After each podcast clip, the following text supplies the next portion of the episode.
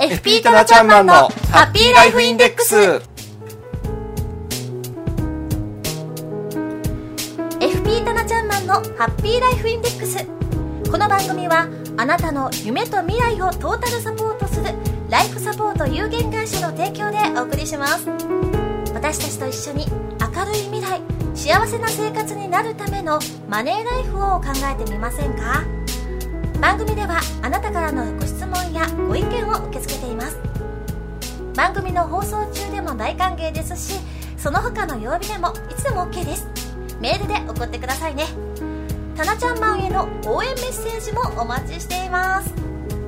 宛先は fm768 アットマーク p-wave.ne.jp メッセージの宛先と同じです。Fm768 アットマーク p-wave.ne.jp でお待ちしています。さあそれでは今日も早速一級ファイナンシャルプランニング技能士でありライフサポート有限会社代表のタナちゃんマンをお呼びしましょう。あなたもご一緒に。せーのタナちゃんマン。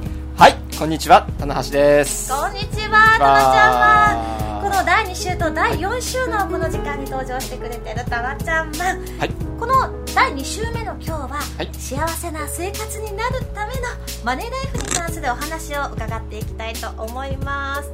一級ファイナンシャルプランニング技能士としてのタナちゃんマンが登場ですね。はい。はい。早速なんですがタナちゃんマン、はい。メッセージが届いております。ありがとうございます。マリナさんからいただきました。ありがとうございます。マリナさんありがとうございます。早速紹介させていただきますね、6月に子供が生まれ今は幸せでいっぱいです。えー、おめでとうございます。おめでとうございます。ただこれからの生活を考えると不安になります。予定しているマイホームも子供の教育費も考えるとキリがありません。皆さんうまく切り盛りされているんですよね。マイホームにはこだわりたい思いもあるんですが予算のことを考えると慎重にならないといけません。不安でいっぱいです。タナちゃんマンいいアドバイスがあればお願いしますといただきました、はい、そうですね、えー、6月に子供さんを設けられたということでね非常にまあ幸せいっぱいという気持ちが伝わってきますけれども、確かにね子供さんが生まれると教育資金大変ですよね、うん。あの子供さんを一人のね、まあ、大学卒業するまでの、えー教育資金いくらぐらい必要かっていうのはご存知ですか？もうあの今会社もいない状態なのでねね。全然想像がつかないですね。よね、うんお一人ね、えー、大体1000万は準備してくださいっていうふうに言われてます。これは最低ラインなんです実は。そうなんですね。はい、幼稚園3年保育、ね、公立で3年保育から、えー大学卒業するまで、えー公立すべてオール公立で自宅からすべて通うっていう前提で1000万それで1000万、はいって言われてます。ということは私立の大学にそうですね。理系に行ったりするとそうですね。大変なことですよね、まあ、私立の文系で自宅から通うとしても1200万。ちょっと超えてしまうかな。で、えー下宿ということになりますとプラスアルファというところですよね。食費にそうですね、はい、理系になりますとなりますと大体1300万から400万というふうに言われております、まあ、それぐらい、ね、かかってしまいます。でこういう金額を聞きますとねやはりドキッとしますよねそしておマリナさんおっしゃってみますようにマイホームっていうね、うんあの生涯で一番、えー大きなライフイベント夢プランですね、えーもお描いていらっしゃるということなんですけれどもマイホームもやはりね、えーある程度の自己資金頭金が必要ですし、えー住宅ローンもね、えー30年とか35年といった長きにわたるローンの返済という現実がありますのでその辺をどうやって考えていくかというところです。はい、でそのためにですねあのライフプランニングっていう、ね、あのことをやってるんですけれども、まあ、実はあのライフサポートがですねこの8月、今月ですね今月26日に、えー開業して丸6周年を迎えます。丸6年ですね。す。6周年を迎えます。ありがとうございます。でそれを記念しましてですね、えー限定5組様ですね、えー通常3万1500円でお作りしておりますライフプランニング表、まあ、大体、えー30ページにわたる提案書なんですけれども、はい。それを3万1500円で承っているんですけれども、はい。えー限定5組様無料で今やっておりますんでね。いいですか？マリどうぞどうぞはい。もうこれは、えー大出血サービスというところなんですけれどもマリナさんもねぜひそういうのサービスをね、えー受けていただければなと思います。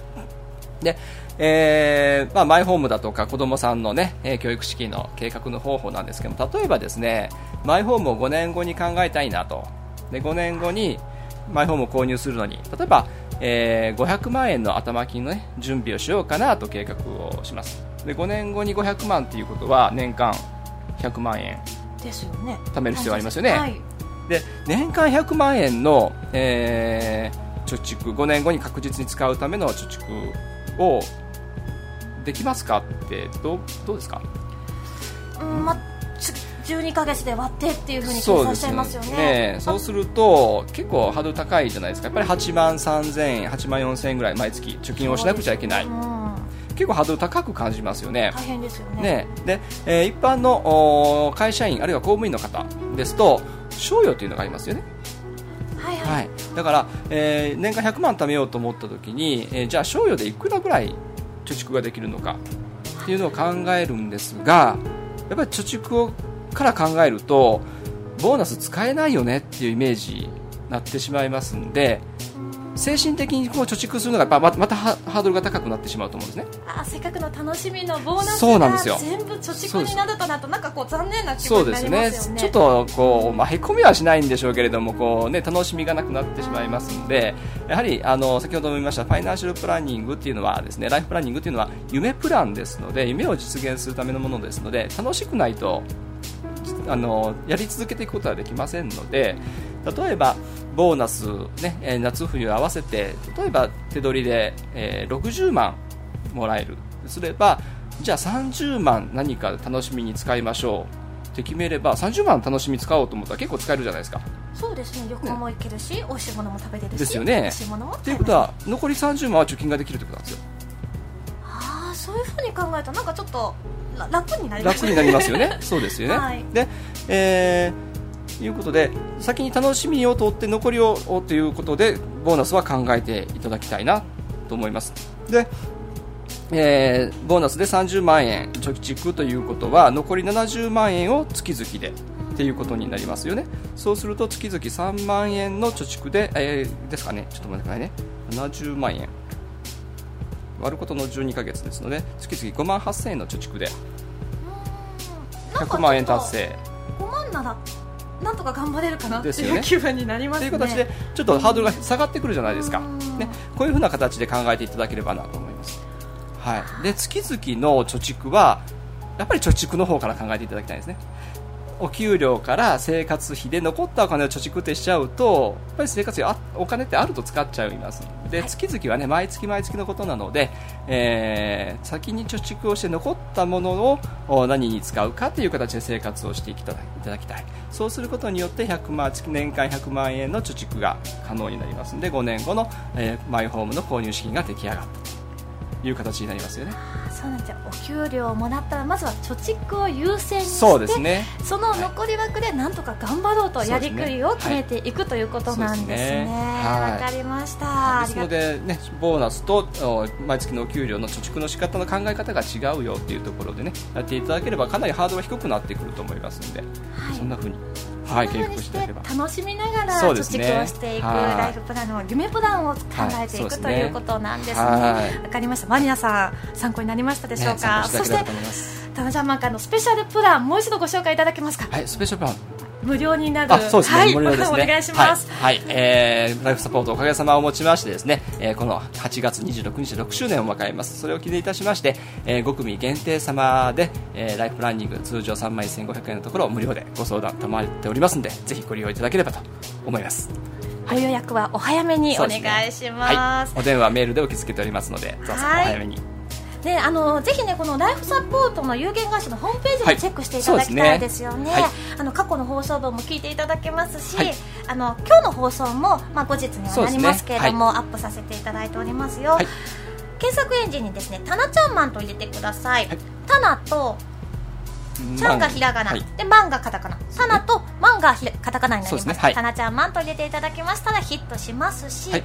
FM 四日市 FM ポートウェーブのホームページのトップにもはい。バナーがありますから、はい。ぜひぜひこちらからもアクセスしてみてください、お願いいたします。ね、タナちゃんマンが次に登場してくれる第4木曜日なんですけれども、は今度は心理カウンセラーとしての再来週は心理カウンセラーとして、ね、タラちゃんマンが心に関するお話をしてくれるんだそうですよ、はぜひお楽しみに、はい。そしてねあのマニラさんのようにですね皆さんタナちゃんマンへの質問どしどし受け付けております。宛先は fm768 アットマーク p-wave.ne.jp です FP タナちゃんマンのハッピーライフインデックス。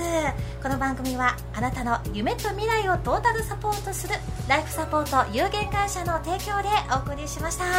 タナちゃんマン今日もためになるお話そしてマリナさんへのアドバイス、はい。ありがとうございました、はそれではまた次回第4週の木曜日にお会いしましょう。お楽しみに。ではバイバーイ